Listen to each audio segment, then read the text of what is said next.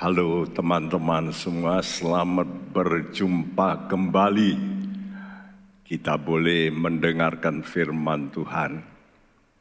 Ya, judul yang saya berikan sudah empat kali ini, saya bicara tentang return unto me, kembalilah kepadaku. Dan yang Tuhan katakan bukan hanya kembali kepadaku, kembalilah kekasihku aku mengasihi.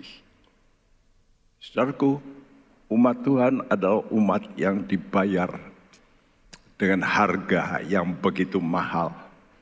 Itulah sebabnya Tuhan tidak ingin seorang pun yang sudah dibayar dengan harga yang mahal itu binasa. Saya menjumpai berapa banyak jemaat yang punya anak yang sebetulnya disable, yang tidak normal, ya. Saya masih ingat seorang ibu mempunyai anak kepalanya besar, sampai umur lima tahun dia nggak bisa duduk.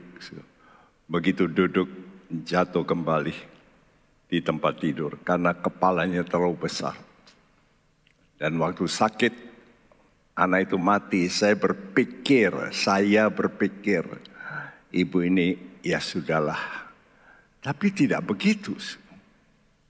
Ibu ini menjerit histeris, nangis luar biasa. Mengapa? Karena ibu ini sudah invest. Invest begitu banyak, lima tahun dengan kasih Begitu juga Allah kita. Allah Bapa membayar dosa kita bukan main-main dengan korban pribadi yang kedua diturunkan diutus menjadi manusia. Oleh karena itu kalau manusia ini suku lalu mulai murtad, maka Tuhan itu menjerit dengan kasih. Ya, kembalilah. Kembalilah. Dan hari ini kita akan bicara bagaimana cerita hati kasih. Bila Allah itu sangat menjerit kalau manusia yang dicintai itu menolak kasih Allah. Dia mengasihi tapi manusia acuh tak acuh. Ya, saudara, kita melihat beberapa jeritan hati kasih di dalam Alkitab. Manusia pertama adalah Adam dan Hawa. Begitu jatuh dalam dosa, maka Allah khusus dia datang di Taman Eden. Ya, dan Adam dan Hawa mendengar derap kaki dari Tuhan. Dia sembunyi. Lalu Tuhan berteriak, Adam, di manakah kamu? Adam, di manakah kamu? Adam bersembunyi. Ini satu tandasku. Kasih itu selalu mencari. Mencari pribadi yang dikasih supaya bisa kembali. Nah mungkin ada beberapa saudara yang sudah ikut Tuhan, sudah merasakan kasih Bapak, tapi hari-hari akhir ini saudara rasa kering untuk Anda. Ya, untuk saudara-saudara kami yang merasa ada satu kehilangan sesuatu dalam hati. Allah berkata, di manakah kamu? Ayo kembali. Begitu juga orang-orang Israel. Waktu mereka menderita sengsara di negara perbudakan Mesir. Mereka nangis, mereka jerit. Dan Alkitab mengatakan dalam kisah Rasul 7, Aku telah memperhatikan dengan sungguh-sungguh. Perhatikan kata ini. Memperhatikan dengan sungguh-sungguh kesengsaraan umatku di tanah Mesir. Allah kita adalah Allah yang tidak tutup mata. Dia sangat berempati dengan orang-orang percaya, orang-orang yang dicintai mengalami penderitaan. Bahkan dalam Amsal pasal 8, kalau sudah dibaca keseluruhan, dikatakan, bukankah hikmat berseru-seru, kepandian memperdengarkan suaranya. Lalu di tengah-tengah pasal itu dikatakan, aku mengasihi orang yang mengasihi aku. Saudaraku, ini satu undangan hikmat berseru-seru. Dia berseriak, berseru supaya didengar. Banyak orang tidak bisa mendengar karena itu Tuhan kadang-kadang suku berseru. Dan pernyataan kasihnya, aku mengasihi orang yang mengasihi aku. Saudaraku, lebih-lebih lagi waktu benar Yesus datang ke dunia ini kepada umat pilihannya yang dicintai. Dia berpikir kalau nabi-nabi ditolak maka Bapak berpikir aku akan utus pribadi Allah sendiri. Tapi di luar dugaan mereka pun menolak Yesus. Sehingga Yesus dia satu kali berdiri di puncak gunung melihat ke arah Yerusalem.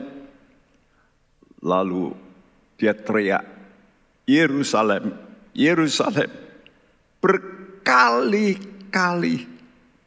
Saya garis bawah berkali-kali aku rindu mengumpulkan kamu anak-anakmu seperti seekor induk ayam.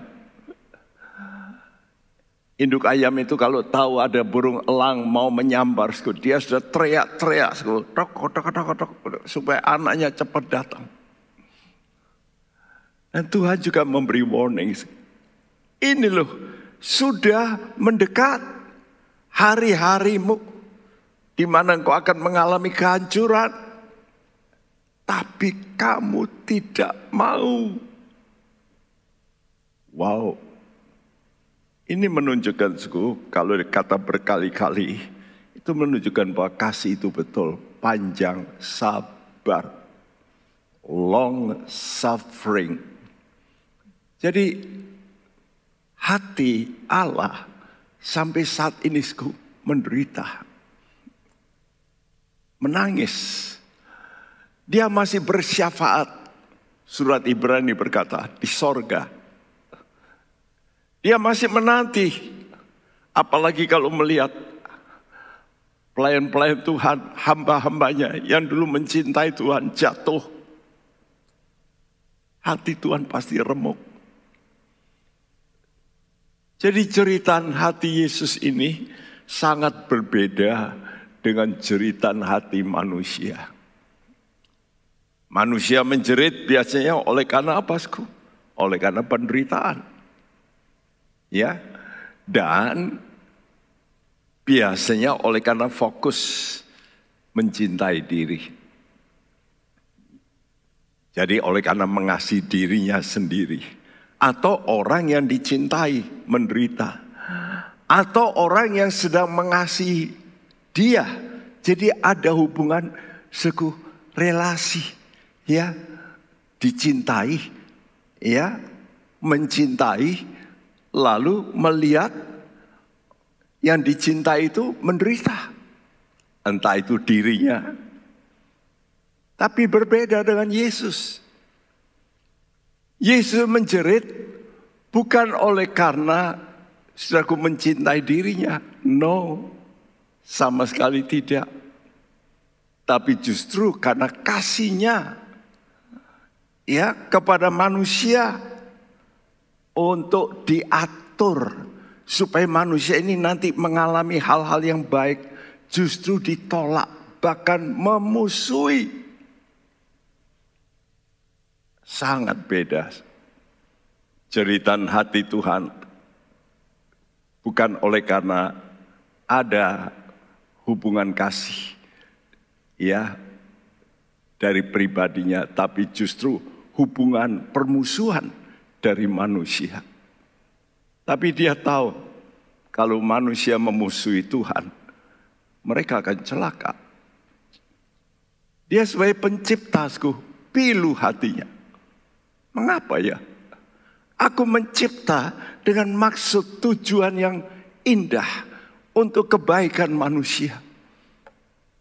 Karena aku ciptakan manusia menjadi makhluk di atas segala makhluk, bahkan di atas malaikat. Tapi mengapa mereka tidak mengerti? Mengapa mereka bahkan memusuhi diriku? Itulah jeritan dari Tuhan, saudaraku. Ya, dan coba kita bandingkan dengan jeritan tangisan manusia. Tangisan manusia pertama-tama ada yang sangat negatif. Yang Tuhan katakan tangisan yang sia-sia. Tidak ada gunanya. Tangisan penyesalan biasanya. Karena kerugian, karena terlambat, aduh nangis. Ya, seperti Esau. Esau itu nangis Oh dia teriak-teriak kepada orang tuanya. Tapi dikatakan oleh Alkitab dalam Ibrani 12. Esau tidak ada kesempatan bertobat. Ingat suku, tangisan Anda kadang-kadang itu nggak ada gunanya. Kalau sudah tidak menggunakan waktu dengan baik. Karena itu sementara Yesus belum datang. Saya tahu Yesus sebentar akan datang. Nanti banyak orang nanti akan, waduh, terlambat. Dan waktu terlambat mereka harus mengalami masa aniaya yang sangat luar biasa. Saat itulah banyak orang nangis. Aduh, kenapa ya kok terlambat? Kenapa dulu kok tidak mau dengar betul bahwa ada rapture sebelum masa sengsara ini? Ya, saudara. Yang kedua ada tangisan yang positif. Yaitu tangisan pertobatan. Dan ini terjadi untuk orang-orang yang mendengar firman Tuhan. Tertempelak hatinya dan menangis, bertobat. Ya. Duka cita ilahi. Ini dialami oleh sku, bahkan bukan orang biasa sku, raja, raja, raja Daud. Waktu dia berdosa, oh dia nangis tujuh hari, tujuh malam, dia terus nangis, berguling-guling, tidak mau tidur di istana, dia guling-guling di lantai, dia jerit sama Tuhan. Dia menangis, remuk hatinya. Begitu juga dengan Raja Yosia. Begitu juga dengan seorang rasul, Petrus. Waktu dia dengar ayam berkokok. Dan Tuhan kasih tahu, sebelum ayam berkokok dua kali, kamu sudah menyangkali aku tiga kali. Waktu dia dengar ayam berkokok. Dia ingat perkataan Tuhan dan dia nangis bukan main. Dikatakan dalam bahasa Inggris katakan nangis dengan pahit. Nah, dua Tawari 34 ayat 26 dan 27 ada seorang raja yang menjadi revivalist. Seorang raja terakhir dari kerajaan Yehuda yang melakukan wah suatu perombakan ya luar biasa untuk hancurkan semua ya eh, berhala-berhala bahkan kuburan-kuburan keramat dibongkar oleh dia. Ya, kenapa itu bisa terjadi?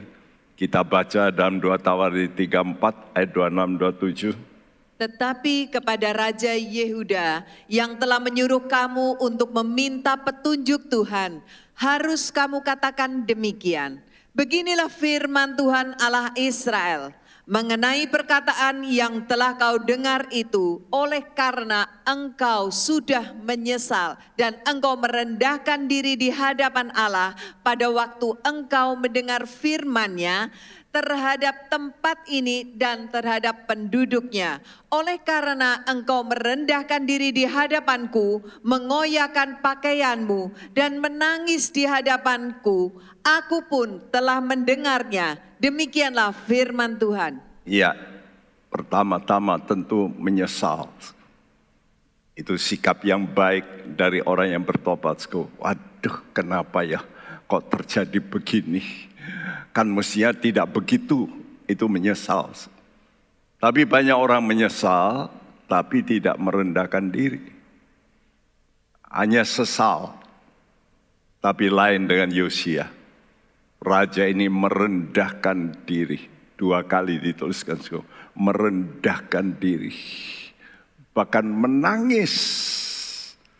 Ya, sambil merobek-robek bajunya. Dia berkata, Aduh. Dan ini bukan oleh karena ada malapetaka. Belum. Baru mendengar berita.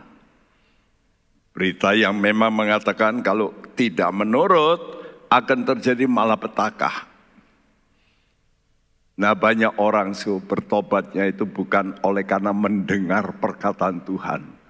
Tapi oleh karena kondisi sakit, problem, ya, lalu mungkin harta lenyap, nyesel, nangis, tapi bukan karena mendengar firman. Tapi Yosiasku, dia nangis, dia bertobat, dia merendahkan diri oleh karena mendengar firman Tuhan. Karena itu saya waktu masih muda, kalau mendengarkan firman Tuhan, khususnya dari om saya, dan juga pendeta Boy Ogi, saudaraku, waktu mereka berkorban, saya sering menangis. Menangis bukan oleh karena kekurangan ini itu, tapi oleh karena mendengar firman Tuhan. Firman Tuhan yang menegur, yang kadang-kadang memberitahu kesalahan-kesalahan kita. Ya. Dan itu indah sekali kalau kita bisa menangis karena firman Tuhan memberitahu kepada kita. Dan banyak orang kalau nonton film Yesus pasti nangis. Satu hari saya ikut dalam persekutuan dari satu gereja lain suku mengadakan acara sandiwara begitu. Waduh, sangat mencengkam suku. Lalu wah, terharu ya. Lalu saya melihat suku beberapa majelis mengambil sapu tangan. Waduh, sampai terisak-isak menangis. Saya berpikir, ah, ini kan sandiwara. Saya sama sekali nggak nangis yang gitu-gitu.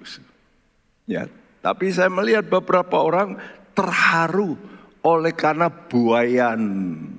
Ya, sama kalau orang lihat film yang menyedihkan ikut nangis.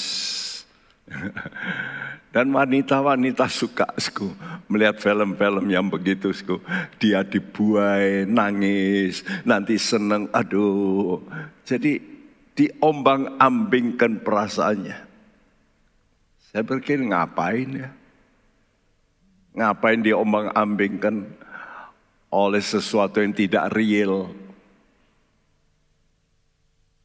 Apalagi putri-putri Yerusalem Waktu melihat Yesus diseret, dicambuk, mereka nangis. Karena dihajar, ditarik, ya, berdarah-darah. Tapi apa kata Tuhan? Lukas 23 ayat 27, 28. Sejumlah besar orang mengikuti dia. Di antaranya banyak perempuan yang menangisi dan meratapi dia. Yesus berpaling kepada mereka dan berkata, Hai putri-putri Yerusalem, janganlah kamu menangisi aku, melainkan tangisilah dirimu sendiri dan anak-anakmu. Iya, Yesus waktu melihat banyak wanita-wanita menangisi dia, dia sama sekali berbeda pendapat Jangan kamu menangisi aku. Gak ada gunanya. Ya. Tangisilah dirimu sendiri. Dan anak-anakmu. Berapa banyak kita menangis oleh karena dosa kita, kebebalan kita, ya kekerasan hati kita, atau mungkin perkataan-perkataan kita yang salah, yang keluar. Pernahkah kita menangis oleh karena itu? Apakah kita juga pernah menangis kelemahan kita yang mungkin ulang, ulang, ulang. Dan kita mulai berkata, Tuhan, tolonglah Tuhan. Kenapa saya begini? Mengulangi kesalahan-kesalahan. Ini penting. Kata-kata Tuhan ini penting. Tangisilah dirimu sendiri. Ya. Seolah-olah Tuhan kata percuma. Kamu menangisi aku. Percuma kamu menangisi derita orang benar. Itu hanya emosional. Tapi tangisi perbuatan dosamu. Nah itu yang Tuhan inginkan. Saya harap saudara yang mendengar firman Tuhan ini, jikalau Anda berdosa, namun belum terjadi sesuatu, belum menderita, justru saat engkau mendengar firman, engkau menangis, itu jauh lebih baik.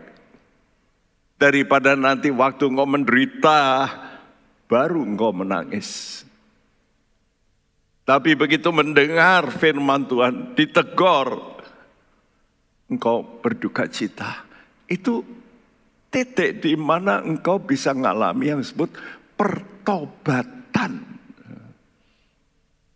Banyak orang menangis bukan oleh karena bertobat, tapi karena menderita.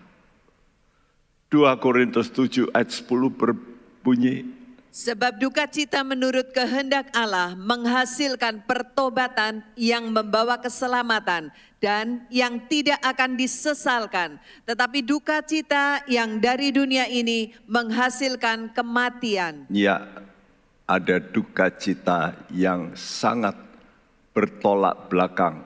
Satu menghasilkan keselamatan Satunya menghasilkan kematian kekal.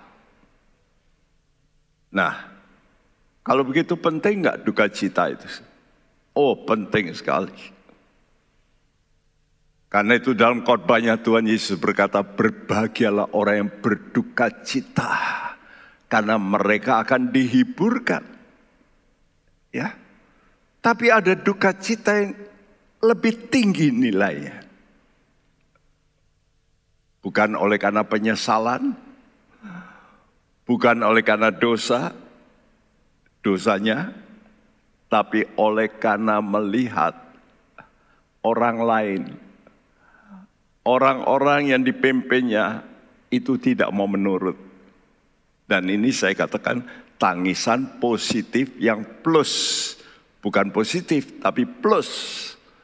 Ya, yaitu menangisi orang-orang yang tidak mau taat. Dan ini dilakukan oleh Tuhan Yesus dan juga oleh hamba-hamba Tuhan sering kali dalam mempersiapkan khotbah hamba-hamba Tuhan teringat dengan jemaatnya yang belum bertobat, mereka bawa dalam doa, ya, mereka menangisi. Kenapa ya? Musa menangisi umat Israel. Samuel khususnya menangisi Raja Saul. Begitu dia menangis sampai Tuhan kata, berapa lama kamu masih menangisi dia? Aku sudah tolak dia, tapi Samuel masih suku nangis. Apalagi Nabi Yeremia kalau kita baca bagaimana dia dipenjarakan waktu dia ngomong tentang yang benar ya nubuat yang benar tapi merugikan menurut pandangan dari pimpinan-pimpinan tua-tua Israel. Yeremia berkata seandainya ya mataku ini seperti pancuran air, aku akan tidak berhenti menangis. Begitu juga Rasul Paulus, hamba-hamba Tuhan. Nah, itu tanda kasih. Ada satu kasih.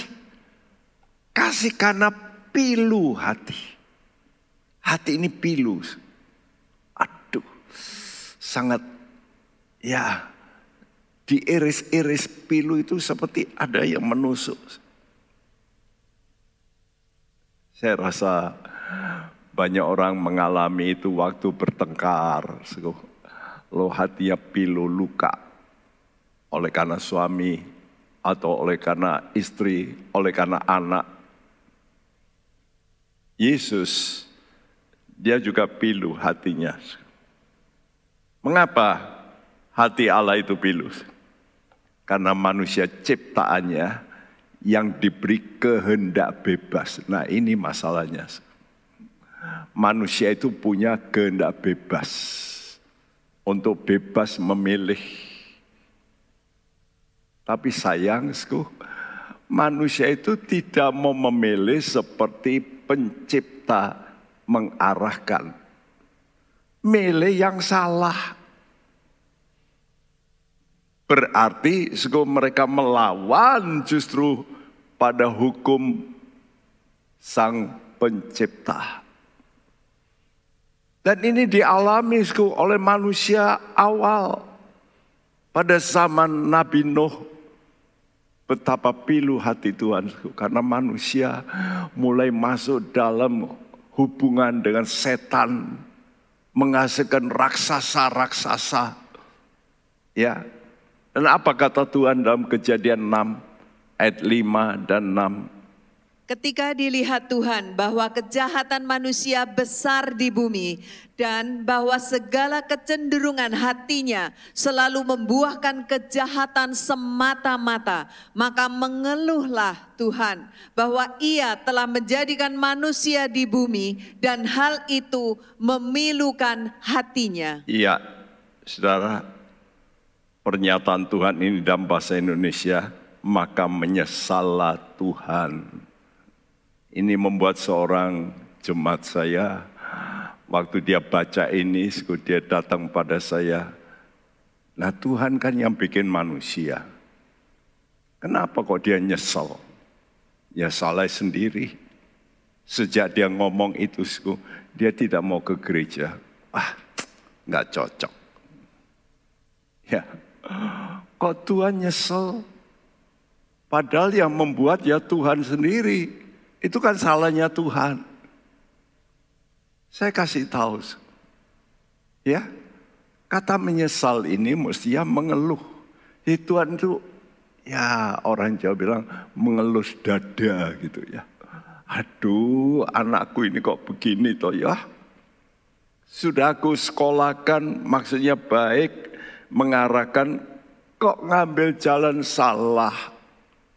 Kok makan narkoba kok kena ya teman-teman yang buruk. Nah hati Tuhan itu suku mengeluh. Mengeluh kenapa? Suku? Karena manusia ini punya kehendak bebas. Kok selalu milih yang tidak baik? Dikatakan sini kecenderungan hatinya selalu membuahkan kejahatan. Memang anak-anak kita kalau tidak dididik selalu yang negatif. Untuk mendidik yang positif sukarnya bukan main. Ya, waktu Tuhan melihat manusia demikian dikatakan hal itu memiluhkan. Kata memiluhkan itu menggores, melukai hati Allah. Sampai sekarang kalau saya pikir Allah di sorga bukan senang-senang. Belum. Dia lagi bersyafaat. Dan kalau dia melihat bukan hanya orang dunia, tapi yang menyebut namanya Kristen, namun juga terlibat dari pernikahan-pernikahan yang melanggar firman Tuhan. Hati Tuhan pilu bukan main. Kenapa ya? Sudah punya Alkitab, sudah dilarang, kok masih melakukan? Bukankah itu akan membahayakan hidup manusia sendiri? Betapa tidak memilukan. Karena manusia itu direncanakan oleh Tuhan untuk menerima otoritas top, otoritas tertinggi dari semua makhluk. Ya, tapi ternyata merusak dirinya sendiri. Semua ini berawal dari kehendak bebas. Dan memang su, untuk supaya manusia itu punya sukacita, itu perlu kehendak bebas. Jadi waktu Tuhan ciptakan manusia itu serupa dengan dirinya. Dirinya adalah Allah yang punya kehendak bebas tapi tahu memilah, tahu memilih. Ya, itu namanya bijaksana.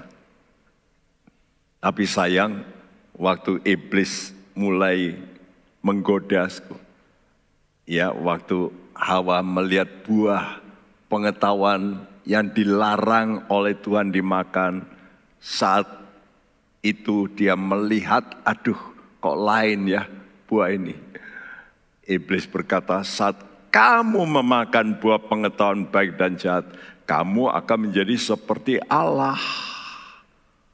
Wow.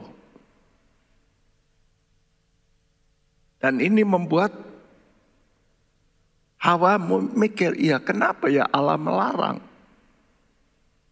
Oh, tidak taunya kalau aku makan, aku jadi seperti Allah pantesan Allah itu melarang. Nah itulah kena tipu. Ya, padahal dengan jelas Tuhan memberi ucapan dalam kejadian 2 ayat 17 yang berbunyi. Sebab pada hari engkau memakannya, pastilah engkau mati. Pastilah engkau mati. Aneh, Tuhan itu sudah memberi hukum dalam firman Tuhan. Hukum ketundukan misalnya. Terhadap orang tua, ketaatan, hukum pernikahan, hukum kekudusan, ya hukum dalam perkataan banyak ditulis di Alkitab. Tapi manusia oleh karena sombong tidak mau taat pada hukum Tuhan. Dan ini menyedihkan hati Tuhan. Kenapa? Karena Tuhan tahu kalau orang sombong pasti jatuh. Amsal mengatakan, ya tinggi hati mendahului kejatuhan. Itu kepastian. Mari kita hati-hati.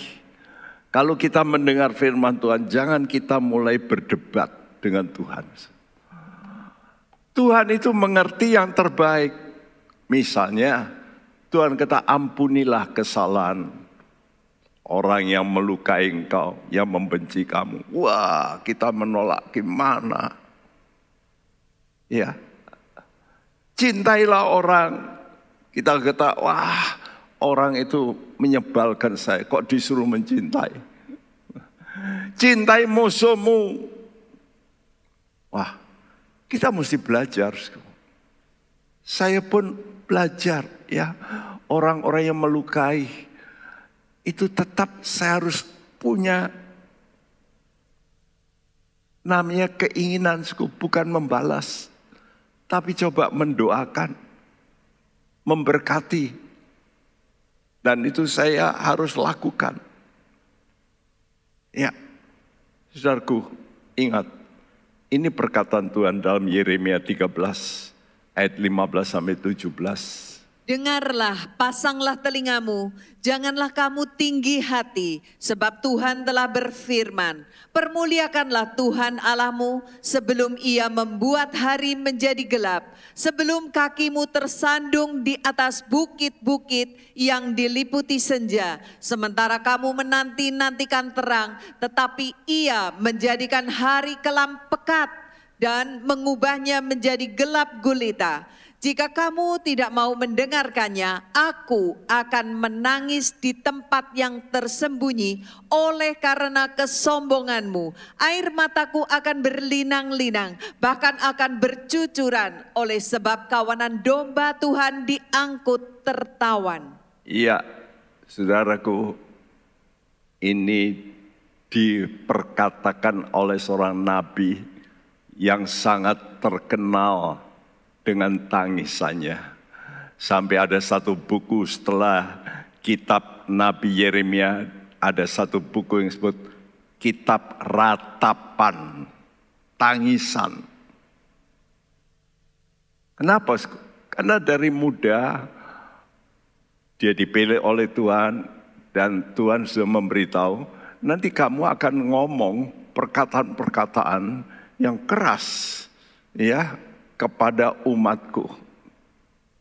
Dan kamu nanti akan menderita. Dan betul dia menderita ya.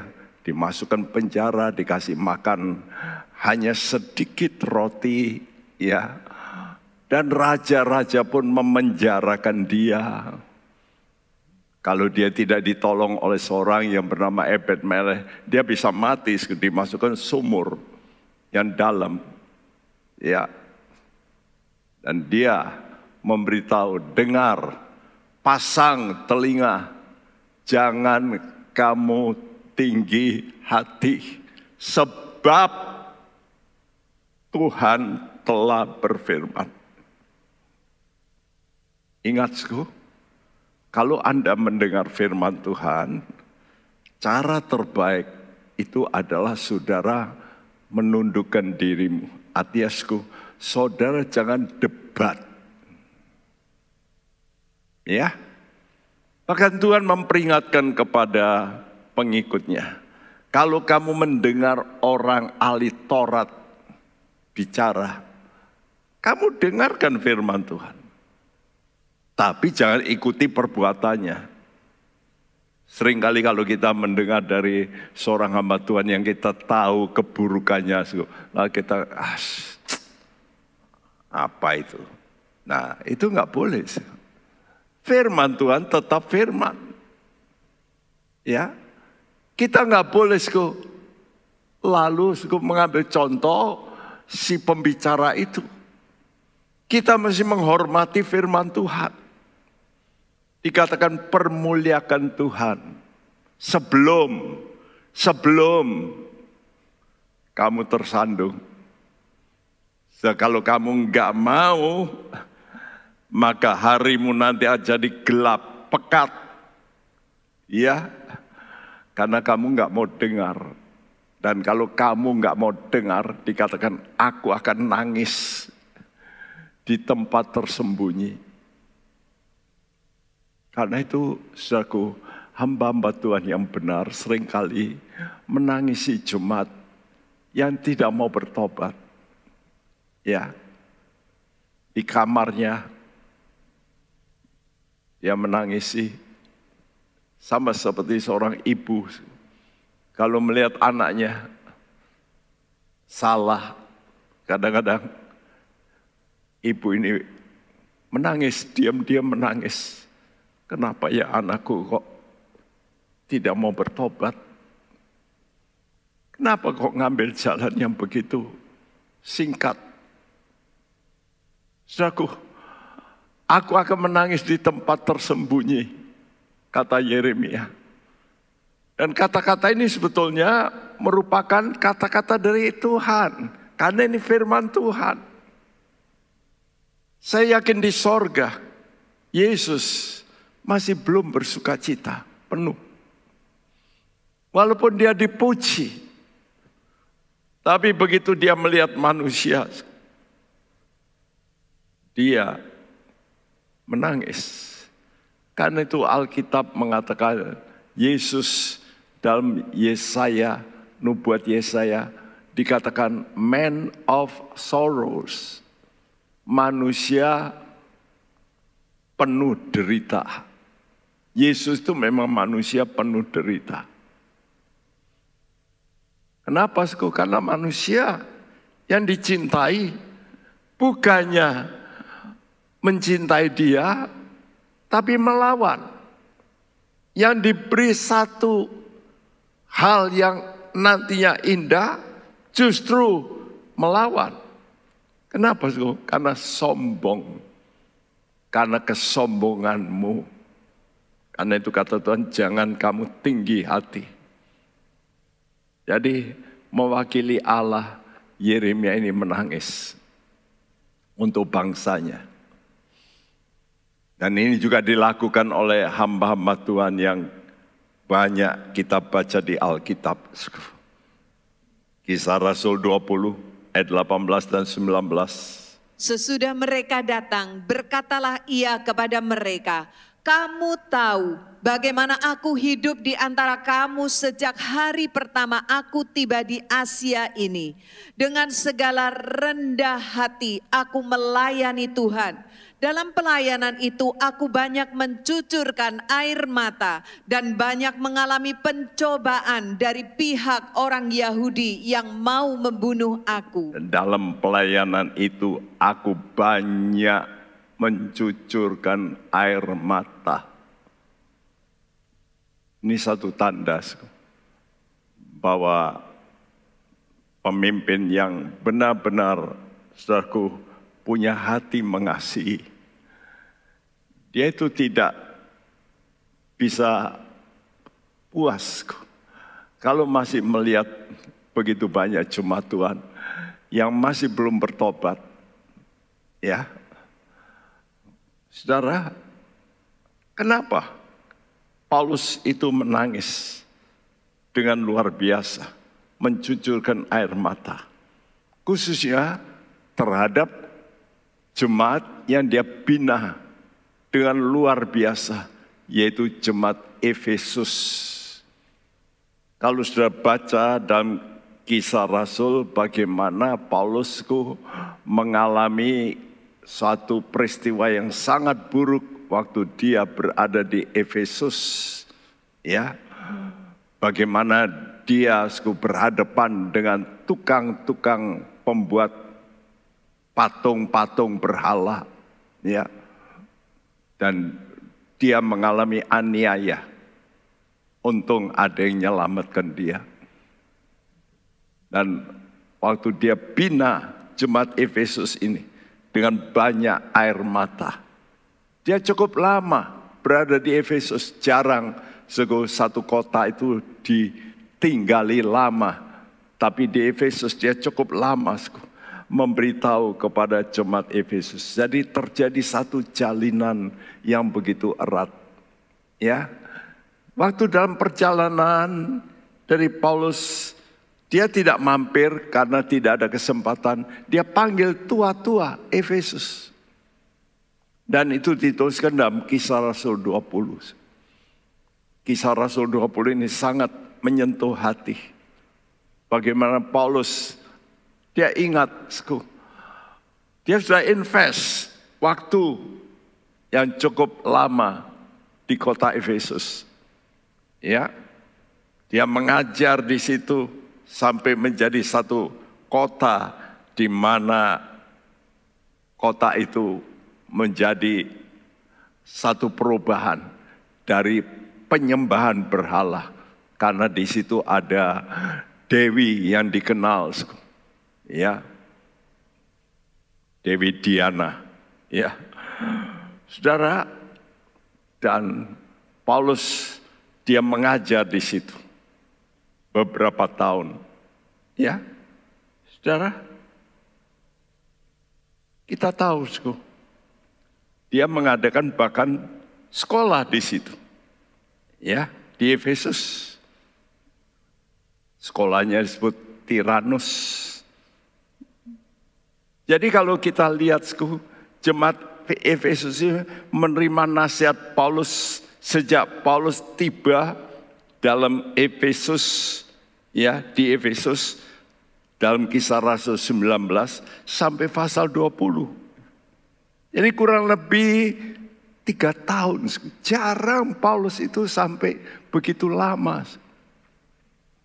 Tapi khusus untuk Efesus, dia taruh hati. Karena itu waktu dia memanggil tua-tua Efesus untuk hadir, dia lalu memberi nasihat ini. Ini nasihatnya, kisah Rasul 20 ayat 29 sampai 31.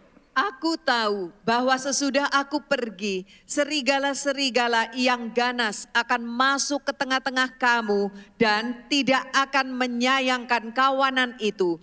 Bahkan dari antara kamu sendiri akan muncul beberapa orang yang dengan ajaran palsu mereka berusaha menarik murid-murid dari jalan yang benar dan supaya mengikut mereka. Sebab itu berjaga-jagalah dan ingatlah bahwa aku tiga tahun lamanya siang malam dengan tiada berhenti-hentinya menasehati kamu masing-masing dengan mencucurkan air mata tiada henti-hentinya menasihati kamu masing-masing dengan mencucurkan air mata. Saudara, begitu Paulus mencintai jemaat Efesus. Tapi dia tahu, dia memberi satu uh, nubuat. Sesudah aku pergi, serigala ganas masuk. Ya, bahkan ini yang saya menyedihkan, dari antara kamu sendiri.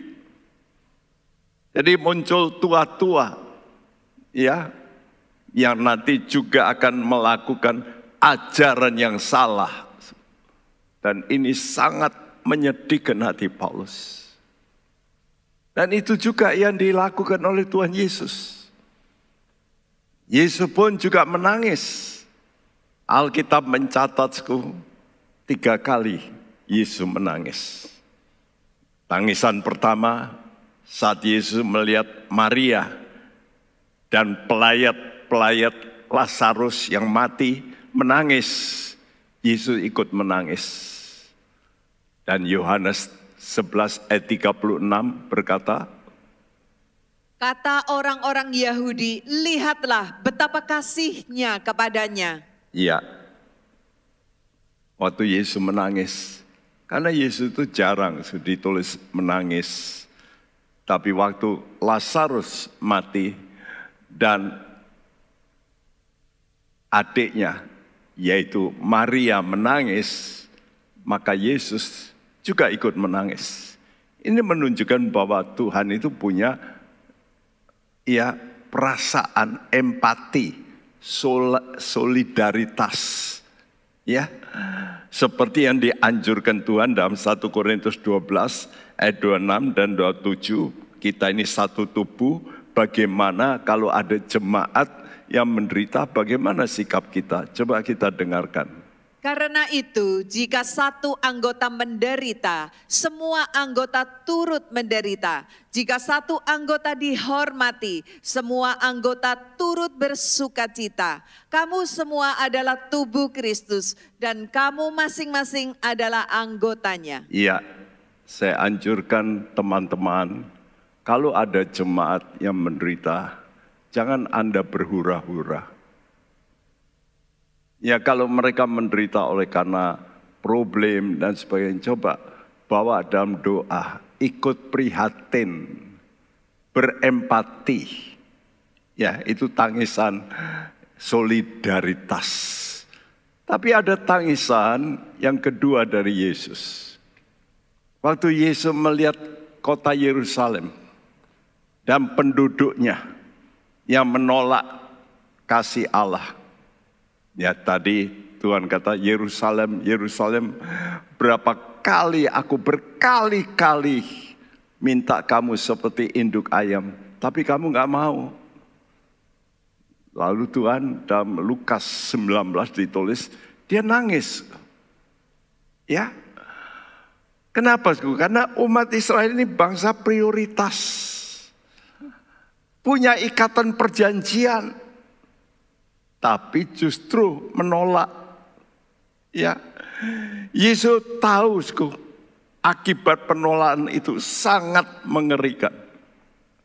Dan Tuhan bernubuat dalam Lukas 19 ayat 43 dan 44. Sebab akan datang harinya bahwa musuhmu akan mengelilingi engkau dengan kubu, lalu mengepung engkau dan menghimpit engkau dari segala jurusan. Dan mereka akan membinasakan engkau beserta dengan pendudukmu dan pada tembokmu mereka tidak akan membiarkan satu bata pun tinggal terletak di atas batu yang lain. Karena engkau tidak mengetahui saat bila mana Allah melawat engkau. Iya, sebelum dia ngomong ini, dia memberi tahu pada murid-muridnya. Karena murid-muridnya berkata, lihat itu gedung bait Allah yang dibangun oleh Herodes. Ya, bait Serubabel direnovasi secara besar-besaran oleh Herodes dengan batu-batu yang luar biasa. Dan waktu Yesus dia itu hadir, dia berkata, runtuhkan ini, nanti aku akan bangun. Mereka berkata, ini sudah 46 tahun. Dan sedang terus direnovasi, sudah tahu? Untuk sampai selesai membutuhkan 63 tahun gedung bait Allah itu. Ya. Namun hanya tujuh tahun kemudian runtuh. Ya, jadi saudaraku gedung itu selesai pada tahun 63. Ya, dan tujuh tahun kemudian runtuh. Jadi dibangun sekian lama, berpuluh-puluh tahun tapi runtuh tahun 70. Waktu Panglima Titus menghancurkan Yerusalem. Menurut Yosepus yang mati satu juta orang. Satu juta, bayangin.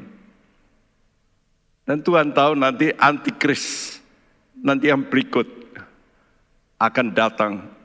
Ya, juga meruntuhkan akan Yerusalem yang sekarang ini. Saudaraku, ini jauh lebih besar daripada holocaust yang terjadi. Wow, sangat menyedihkan. Ya Tuhan sudah tahu apa yang terjadi, tapi ada tangisan ketiga yang paling-paling luar biasa dilakukan oleh Yesus. Kapan? Waktu dia di Taman Getsemani.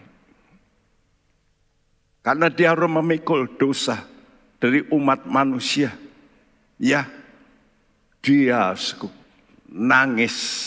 Jangan sudah pikir waktu Yesus di Taman Getsemani, dia berpikir aku kuat, aku Allah, aku bisa. Tidak, dia manusia. Apa kata Tuhan dalam Ibrani 5 ayat 7? Dalam hidupnya sebagai manusia, ia telah mempersembahkan doa dan permohonan dengan ratap tangis dan keluhan kepada Dia yang sanggup menyelamatkannya dari maut, dan karena kesalehannya ia telah didengarkan. Mari, suku kita, jangan kita suka berhura-hura dengan dosa. Kalau kita membaca seperti ini, kita ini bisa ikut, aduh, bagaimana jeritan Tuhan. Dengan ratap tangis dan keluhan. Karena dia harus menanggung dosa seluruh manusia. Doa dengan keluhan dan ratap tangis dipanjatkan oleh Tuhan. Untuk apa? Supaya dirinya kuat, bisa mengikuti kehendak Bapak. Inilah yang disebut suku jalan sempit, sempit. Karena harus menuruti kehendak Allah. Dan ini sedikit orang melakukannya. Matius 7 ayat 21 sampai 23. Tuhan berkata, Sku, nanti pada hari terakhir banyak orang berkata, aku sudah bernubuat, aku sudah melakukan ini, melakukan itu. Kata Tuhan, waktu itulah aku berterus terang kepada mereka, Aku tidak pernah mengenal kamu, enyahlah daripadaku. Banyak orang nanti akan berseru-seru, tapi terlambat. Saudaraku, mari kita mau ikuti jalan Tuhan. Jalan yang sempit, karena banyak orang nanti lewat jalan yang menyimpang. Bukan jalan salib, Jalan salib kalau sudah lihat gambar ini sedikit yang mau melewati. Ya, bersuka-suka sendiri. Di dunia ini kita mesti suka memikirkan orang lain. Khususnya jemaat Tuhan. Khususnya mereka yang menderita. Mari kita mau menjadi anak-anak Tuhan yang ingin supaya orang boleh pulang balik kepada jalan yang benar. Seperti hamba-hamba Tuhan, Rasul Paulus mencucurkan air mata untuk orang-orang yang ingin merusak. Untuk mereka yang tidak mau bertobat, mari kita berseru dalam hati kita, ayo balik, balik, baliklah, cepat kembali. Apalagi menjelang Tuhan mau datang. Oleh karena itu mari kita mau datang pada Tuhan. Dan kita nyanyikan pujian ini. Kita teriakan, pulanglah, pulanglah. Teman-teman, jangan terlanjur. Jangan sampai nanti engkau mengalami duka cita yang besar. Ayo bertobat. Tuhan masih buka tangan. Harap kau pulang pulanglah pulanglah jangan terlanjur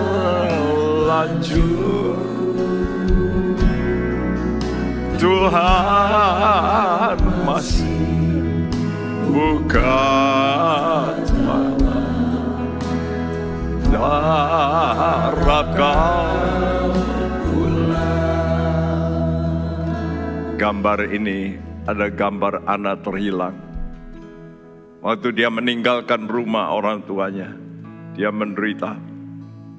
Ada gerakan dalam hati sebenarnya. Saya percaya setiap saudara yang mengalami kesulitan, masalah, gangguan, hatimu pasti bicara. Itulah hati yang mengusik engkau kembali pulang. Bapamu menanti, Tuhanmu justru merindukan kau balik. Mari, selama Tuhan masih buka tangan, mari pulang. Pulang, kembali kepada Tuhan.